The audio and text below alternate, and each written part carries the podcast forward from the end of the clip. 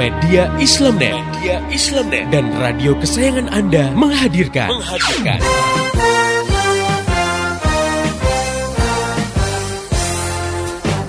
Voice of Islam, Voice of Islam, Voice of Islam. Di satu sisi diyakini bahwa perbuatan judi dan semua bentuk kemaksiatan itu diharamkan oleh Islam. Itu juga banyak yang sudah tahu. Namun di sisi lain, umat Islam sendiri tidak memiliki kemampuan untuk melarang kegiatan seperti itu. Karena sebenarnya kalau orang paham Islam, maka tidak akan dia punya pendapat wanita harus bekerja karena Islam tak pernah mewajibkan wanita untuk bekerja. Yang wajib bekerja itu laki-laki hmm, karena mereka iya. wajib menanggung nafkah keluarganya. Jadi sebenarnya hukumnya wanita bekerja itu mubah, hmm, boleh ya, jadi tidak dosa. Pemanfaatan tenaga nuklir apabila dipergunakan untuk kemaslahatan umat seperti penggunaan sektor non energi dan energi tersebut, maka hukum Islam memperbolehkan bahkan menganjurkan. Namun apabila digunakan untuk tenaga nuklir yang sifatnya menghancurkan kehidupan, dan menimbulkan kerusakan di muka bumi, misalnya seperti senjata nuklir, maka hal ini tersebut haram hukumnya. Allah Subhanahu wa taala mencela tindakan merusak dan orang-orang yang membuat kerusakan di muka bumi.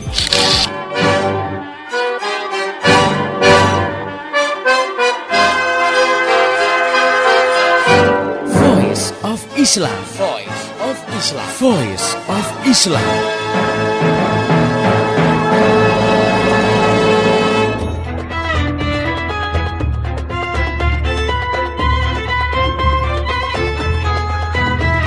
Halo Indonesia, Assalamualaikum warahmatullahi wabarakatuh. Jumpa dengan saya Arini Aulia dalam program Voice of Islam. Kerja bareng Media Islamnet dengan radio kesayangan Anda ini. Dan selama 30 menit ke depan Voice of Islam akan menemani Anda dalam rubrik Female Chatting. Sebuah rubrik yang akan membahas permasalahan-permasalahan seputar kehidupan wanita Baik tentang pemikiran dan hukum-hukum Islam yang berkaitan dengan wanita. Pendengar yang budiman, telah hadir untuk mengasuh rubrik ini yaitu Ustazah Insinyur Nani Wijayanti yang biasa disapa Mbak Nani. Beliau adalah wakil pemimpin redaksi majalah Female Readers. Baik, kita sapa dulu beliau. Assalamualaikum warahmatullahi wabarakatuh, Mbak. Waalaikumsalam warahmatullahi wabarakatuh. Bagaimana kabarnya hari ini? Alhamdulillah, alhamdulillah baik Mbak Arini. Kesadaran muslimah di Indonesia saat ini tampak mulai berangsur-angsur bertambah. Salah satu yang fenomenal adalah berkerudung.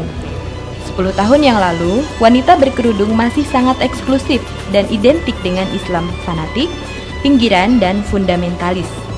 Kini, kerudung sudah merambah ke seluruh kalangan di masyarakat. Namun, masih saja ada muslimah yang belum istiqomah, atau dalam artian buka tutup kerudung. Nah, bagaimana Islam memandang hal ini? Oke pendengar, kita akan bahas tentang buka tutup kerudung bersama Ustazah Nani Wijayanti setelah lagu yang berikut ini. Tetap setia di Voice of Islam.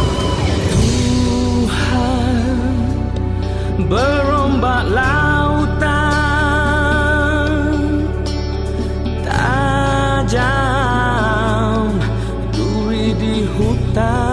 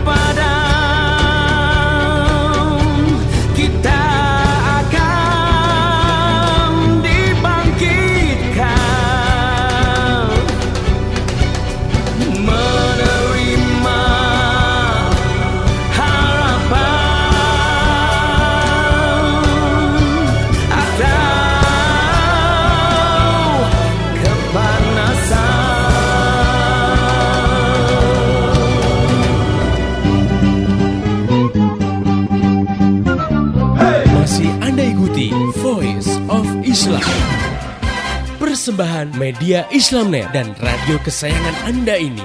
Voice of Islam. Voice of Islam. Voice of Islam.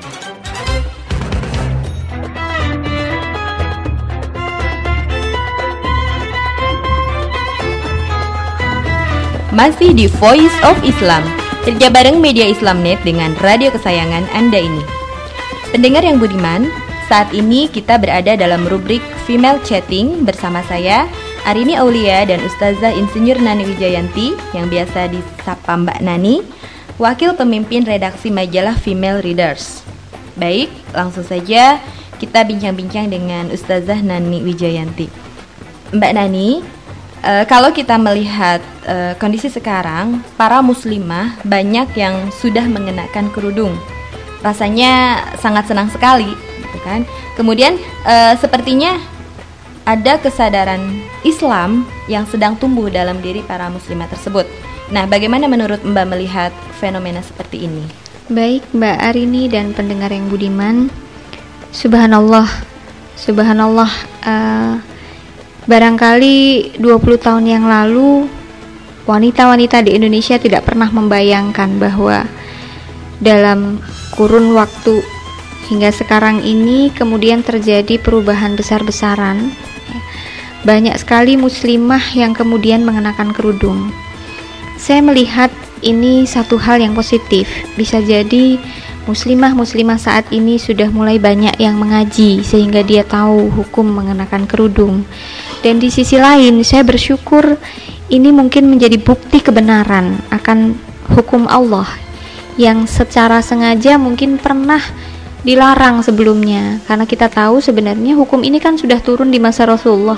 Yeah. Nah, artinya perempuan muslimah ini sudah banyak yang pakai kerudung begitu tahu kewajiban ini bahkan dalam sebuah riwayat itu diceritakan Ketika turun hukum memakai kerudung ini, para sahabat waktu itu serta merta segera mencari apa pun yang bisa dipakai untuk menutup kepalanya. Hatta itu kain-kain yang ada di rumah, entah itu kain uh, kain selembar kain apa pun dipakai untuk menutup itu gitu ya. Nah, lalu kemudian terjadi di masa uh, kemunduran umat Islam itu ada pelarangan-pelarangan ketika ide-ide sekuler sudah masuk ke tubuh khilafah dan di Turki itu di sekolah-sekolah perempuan tidak boleh lagi pakai kerudung. Nah, di Indonesia sendiri kalau kita melihat sejarah di zaman dulu nah, Islam sudah masuk ke Indonesia ini pun kerudung itu sudah dikenakan sebagai pakaian keluar rumah bagi para muslimahnya. Hanya ya cukup lama ya 350 tahun Indonesia itu dijajah oleh penjajah, begitu merdeka maka sistem yang berlaku itu bukan Islam lagi. Tidak ada fenomena wanita itu pakai kerudung gitu. Dan sekarang sudah mulai berangsur-angsur kembali. Subhanallah, itu bukti bahwa Allah kalau menghendaki maka hambanya akan kembali ke jalannya untuk menunaikan hukum-hukum yang sudah ditetapkan kepadanya. Kita patut bersyukur. Nah, menurut Mbak sendiri, bagaimana kalau masih ada muslimah yang belum mengenakan kerudung atau masih buka tutup kerudung. Nah, sebenarnya e, alasan mereka melakukan itu kenapa sih? Dan kemudian apa kira-kira hambatan yang e, membuat mereka melakukan hal tersebut?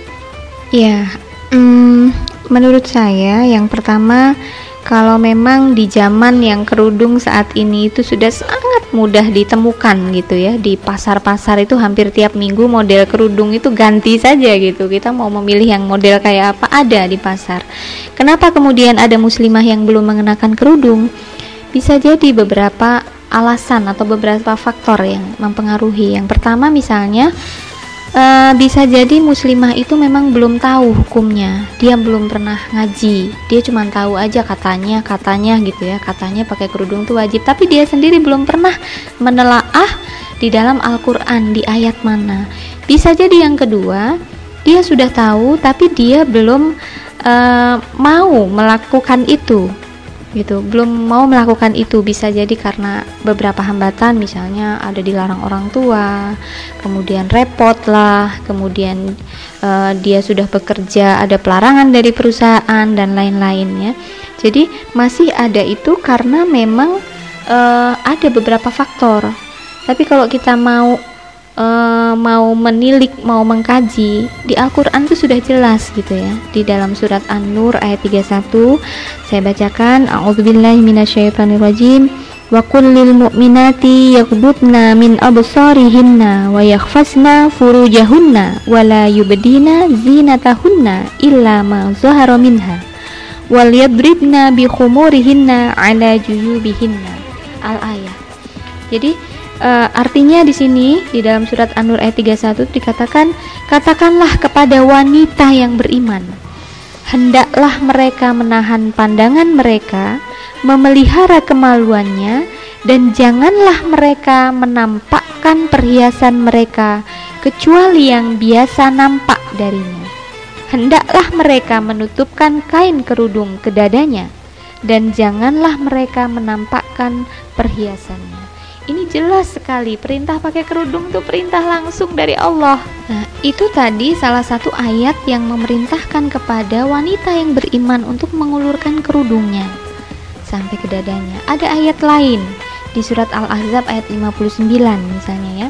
Artinya begini, wahai Nabi katakanlah kepada istri-istrimu, anak-anak perempuanmu dan istri-istri orang mukmin, hendaklah mereka mengulurkan jilbab ke seluruh tubuh mereka.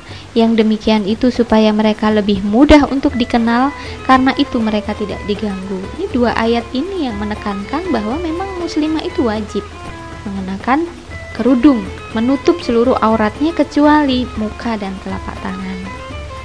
Jadi ya hambatannya itu sebenarnya lebih kepada hambatan yang sifatnya pertama dia nggak tahu berarti dia harus ngaji gitu ya. Atau hambatan yang tadi karena mungkin e, lingkungannya belum mendukung dia gitu ya. Saya kira begitu mbak Arini nah selanjutnya nih mbak e, yang terjadi kepada beberapa muslimah profesional sendiri yang mereka mempunyai tantangan tersendiri dalam mengenakan kerudung. Karena tadi ya dikatakan harus mungkin menyesuaikan dengan uh, peraturan perusahaan tempat dia bekerja dan kadangkala uh, mereka harus buka tutup kerudung atau kucing-kucingan uh, sama bosnya dan lain-lain. Nah, gimana nih Mbak?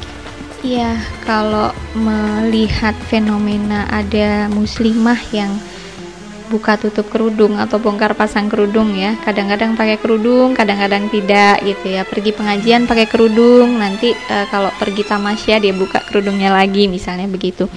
Kita harus lihat e, yang pertama misalnya bisa jadi muslimah itu masih belajar mungkin ya belajar untuk memantapkan hati. Artinya dia sebenarnya sudah ngaji dia sudah ngerti kemudian dia masih belum yakin untuk dia bisa gitu. Sehingga Ketika dia dalam kondisi yang memungkinkan dia mampu dia gunakan. Kemudian ketika dia dalam kondisi lain yang orang lain masih memandang dia kayaknya diremehkan gitu dia bongkar gitu ya. Ini ini yang pertama. Ada lagi mungkin yang faktor memang yang nggak bener nih sikap mentalnya gitu ya. Dia sudah tahu kewajiban itu, dia sudah paham, tapi misalnya ketika dia berbenturan dengan masalah ya, kecewa terhadap sesuatu kemudian dia lepas lagi kerudungnya. Salah satu contohnya misalnya ya di masyarakat banyak sekali terjadi ya. Entah itu artis atau masyarakat pada umumnya. Dia sudah pakai kerudung karena dia tahu itu kewajiban. Lalu kemudian dia dalam kehidupannya mengalami kekecewaan, misalnya suaminya menceraikan dia atau dia kecewa suaminya nikah lagi misalnya gitu. Akhirnya karena kecewa dia ingin membuktikan pemberontakannya dengan melepas kerudungnya misalnya gitu. Nah, ini nggak betul ini. Jadi ada ada uh, fenomena-fenomena di mana muslimah itu melepas kerudungnya itu karena faktor kejiwaannya yang tidak stabil gitu ya, keimanan yang lemah. Kemudian ada lagi misalnya yang tadi dikatakan Mbak Arini. Jadi karena pelarangan bosnya di perusahaannya, dia belum mampu pakai ketika dia keluar rumah berangkat ke kantor pakai, begitu masuk pintu kantor dia masuk ke toilet dulu, dia lepas kerudungnya, baru kemudian dia beraktivitas dengan menggunakan seragam di kantornya. Nah, ini uh, faktornya nanti bisa kita lihat ya dia belum siap menanggung resiko menerapkan hukum ini. Nah, kemudian e, bagaimana cara mengatasi hal tersebut, Mbak? Ya, secara individu setiap muslimah itu kan memiliki kekuatan pemahaman dan niat yang e, berbeda-beda ya.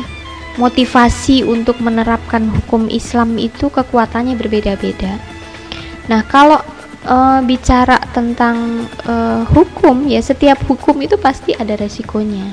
Setiap pilihan pasti ada resikonya. Seorang muslimah yang dia memilih mengenakan kerudung pasti dia juga mengambil resiko itu gitu jangankan yang bekerja misalnya nggak bekerja aja misalnya di rumahnya dia bisa punya tantangan seorang anak gadis yang dia tahu dia pakai kerudung karena orang tuanya nggak setuju orang tuanya yang melarang gitu. Nah e, demikian juga yang terjadi ketika perusahaan itu melarang. Nah di sini kita harus lihat resikonya misalnya bisa jadi nanti resikonya dia diskors dari kerjanya. Ya, ada misalnya contoh juga yang uh, presenter TV kemudian tidak boleh lagi menjadi presenter di layar kaca karena dia berkerudung. Atau ada lagi yang dia sudah uh, memiliki jabatan tinggi kemudian uh, dia pakai kerudung akhirnya dia di PHK misalnya seperti itu atau tidak diberikan tempat sebagaimana yang seharusnya dan lain-lain. Nah, ini adalah resiko dari uh, keyakinan dia untuk menggunakan kerudung. Nah, langkah apa yang harus diambil? Nah, saya menyarankan bahwa setiap muslimah itu ketika dia memahami satu hukum, dia punya kesempatan untuk berjuang. Gitu. Ketika dia komitmen dengan hukum itu, maka sebenarnya dia memberikan jalan bagi muslimah yang lainnya untuk berani mengambil resiko itu. Kalau resikonya hanya dia tanggung sendiri, nggak kuat.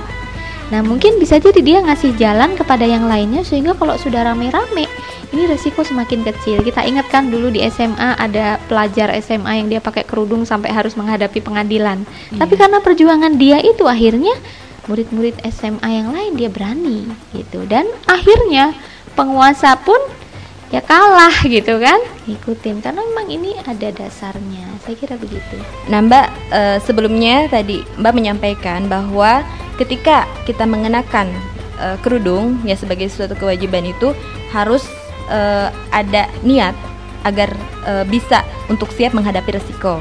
Nah, tapi kan uh, nggak banyak muslimah yang punya kekuatan untuk mengambil resiko tersebut, Mbak.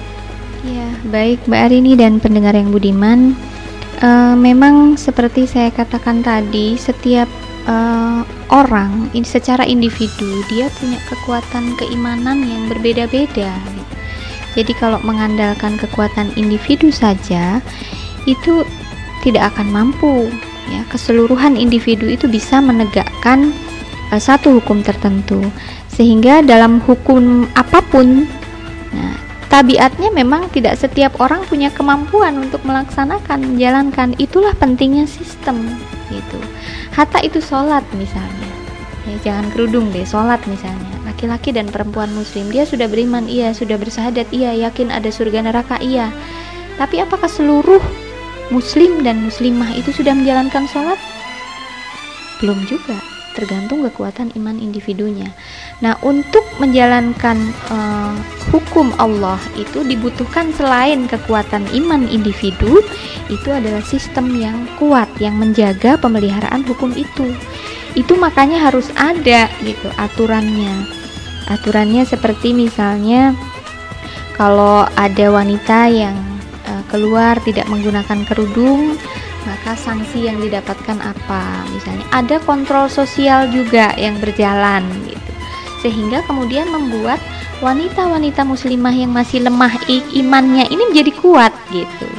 Nah, kalau mau yang sistemnya kecil misalnya, kalau ada sebuah perusahaan yang dia memberikan jalan bagi muslimah bahkan bukan jalan saja tetapi benar-benar e, mengharuskan gitu ya. Misalnya boleh anda bekerja di perusahaan saya tapi syaratnya anda harus pakai kerudung. Misalnya gitu.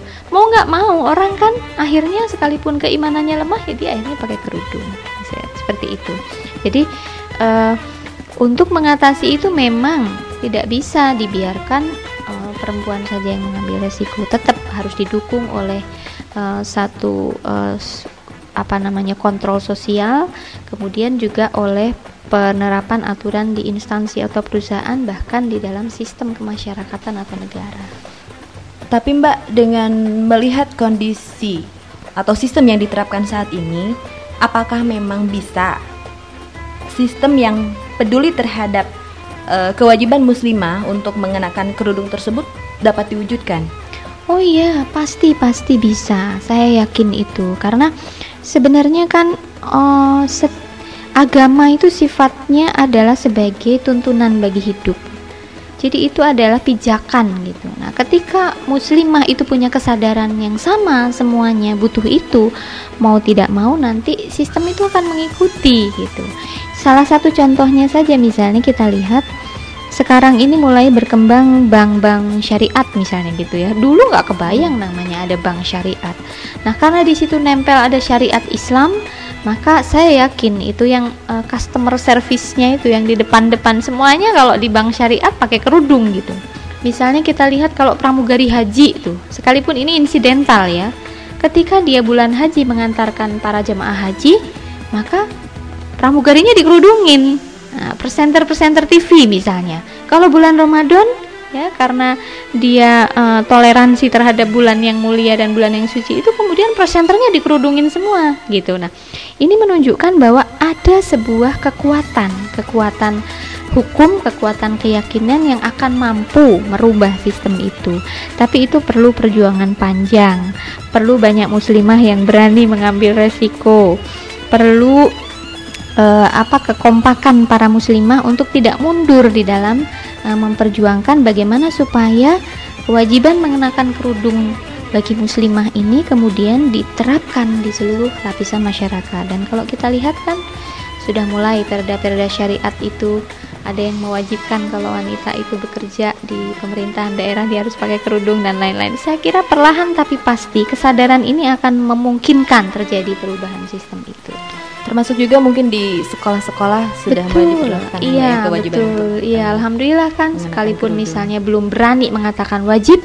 tapi bagi yang nggak pakai kerudung Jumat aja dipakai kerudung atau harus panjang misalnya ini adalah sebuah proses proses yang muncul dari kesadaran nah lalu mbak eh, apa nih kiat-kiat atau tips-tips eh, supaya individu muslimah tersebut mampu menguatkan motivasinya Ya, uh, yang pertama kekuatan individu itu hanya bergantung kepada keimanannya. Maka kalau dia ingin menjadi seorang muslimah yang kafah sempurna, muslimah yang uh, sejati, maka dia harus memperkuat keimanannya ini. Bagaimana caranya? Dia harus mengkaji terus pemahaman-pemahaman Islam, kemudian dia berusaha sekuat tenaga untuk menerapkannya kalau imannya masih lemah, tentu butuh orang yang lebih kuat gitu. Yang kedua ini saya katakan e, butuh ada langkah-langkah kalau kita menyadari keimanan kita masih lemah, jangan kemudian kita bertahan dengan kelemahan kita. Kita harus mencari orang-orang lain yang kita pandang lebih kuat supaya kita dapat motivasi lebih makanya kayak berkembangnya kelompok-kelompok pengajian rohis-rohis di sekolah di kampus ya. Kemudian di perkantoran itu ada pengajian-pengajian. Itu akan menyuburkan semangat ini. Orang-orang yang lemah orang-orang yang tadinya tidak berani orang-orang yang tadinya malu-malu itu semua akan kemudian uh, berani uh, memulai untuk me menjalankan kewajibannya menutup uh, seluruh auratnya mengenakan kerudungnya Terus yang tidak kalah penting adalah jangan lupa dengan pertolongan Allah. Jadi bagi muslimah yang masih lemah, dia belum mampu ini, belum mampu menjalankan ibadah itu, kewajiban ini, maka mohonlah pertolongan kepada Allah karena Allah akan menguatkan hati kita. Dan Allah pasti akan memberikan kemampuan kalau niat kita besar. Kemudian kita juga berikhtiar ke jalan itu. Saya kira itu beberapa hal yang mungkin bisa dilakukan oleh para muslimah. Oke pendengar yang budiman, itu tadi bincang-bincang kita dengan Ustazah Insinyur Nani Wijayanti tentang buka tutup kerudung. Dari perbincangan tadi ada beberapa hal yang dapat kita tarik kesimpulannya. Yang pertama, para muslimah hendaknya tak jemu-jemu menguatkan keimanan dan terus menambah pemahaman keislamannya supaya dapat menata hidup yang lebih islami. Kemudian yang kedua, Perjuangan untuk mengubah sistem yang lebih islami membutuhkan usaha yang keras dan pengorbanan dari para muslimah, termasuk persoalan kewajiban berkerudung. Terakhir, setiap pengorbanan pasti akan ada balasannya. Setiap jalan yang kita buka pasti akan memberikan kemudahan bagi orang-orang yang di belakang kita. Insya Allah. Oke, buat pendengar, kami juga menampung usulan-usulan Anda dalam pembahasan persoalan-persoalan wanita lainnya.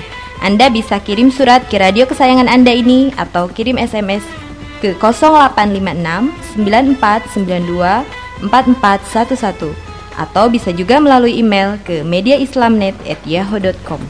Saya Arini Aulia dan seluruh kerabat kerja yang bertugas mengucapkan terima kasih kepada Ustazah Insinyur Nani Wijayanti atas kehadiran dan penjelasannya. Sama-sama Mbak Arini. Terima kasih juga buat pendengar yang telah setia mengikuti acara ini. Pesan saya, sampaikan apa yang Anda peroleh dari acara ini kepada yang lainnya, agar rahmat Islam ini bisa segera tersebar luas, termasuk di kota Anda yang tercinta ini. Dan esok hari, insya Allah, Voice of Islam akan kembali hadir di waktu dan gelombang yang sama. Mari menimbang masalah dengan syariah. Assalamualaikum warahmatullahi wabarakatuh. Wahai manusia Janganlah kau lupa Kita ini adalah hamba padanya Kita dijadikan untuk membuat kebaikan Bukannya untuk membuat kemungkaran. Wahai manusia Kitalah hambanya. Kita harus sabar Mentaatinya Kita harus sabar Meninggalkan larangannya.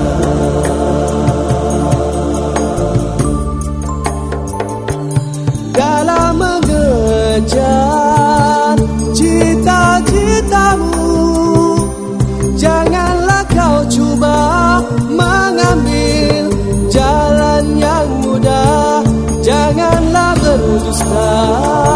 Mengambil hak orang lain yang bukan dari milikmu. Dalam persahabatanmu Janganlah mengkhianati sahabatmu yang sejati. Dalam Janganlah berjanji Jika tidak menepatinya.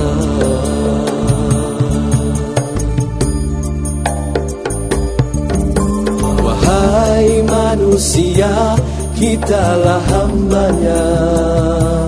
Kita harus sabar Mentaatinya. Kita harus sabar Meninggalkan larangannya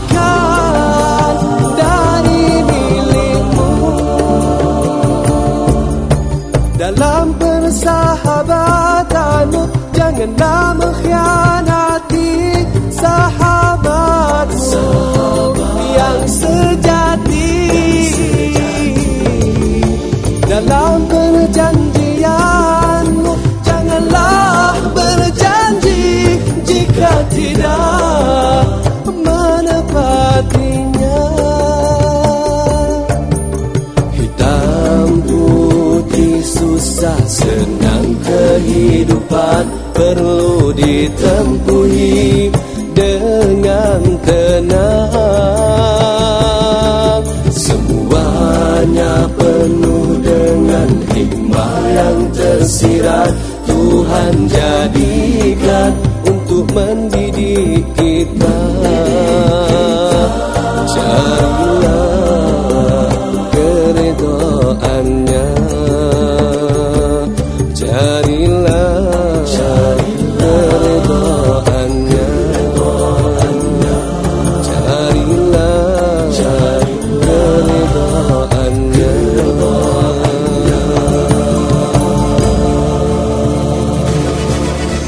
Demikian tadi Voice of Islam. Voice of Islam. Semoga hikmah yang terkandung bermanfaat untuk kita semua. Amin, amin, amin. Ya Robbal Alamin. Kembali bisa Anda dengarkan Voice of Islam. Voice of Islam menghadirkan topik-topik seputar kehidupan kita esok hari di waktu dan gelombang yang sama.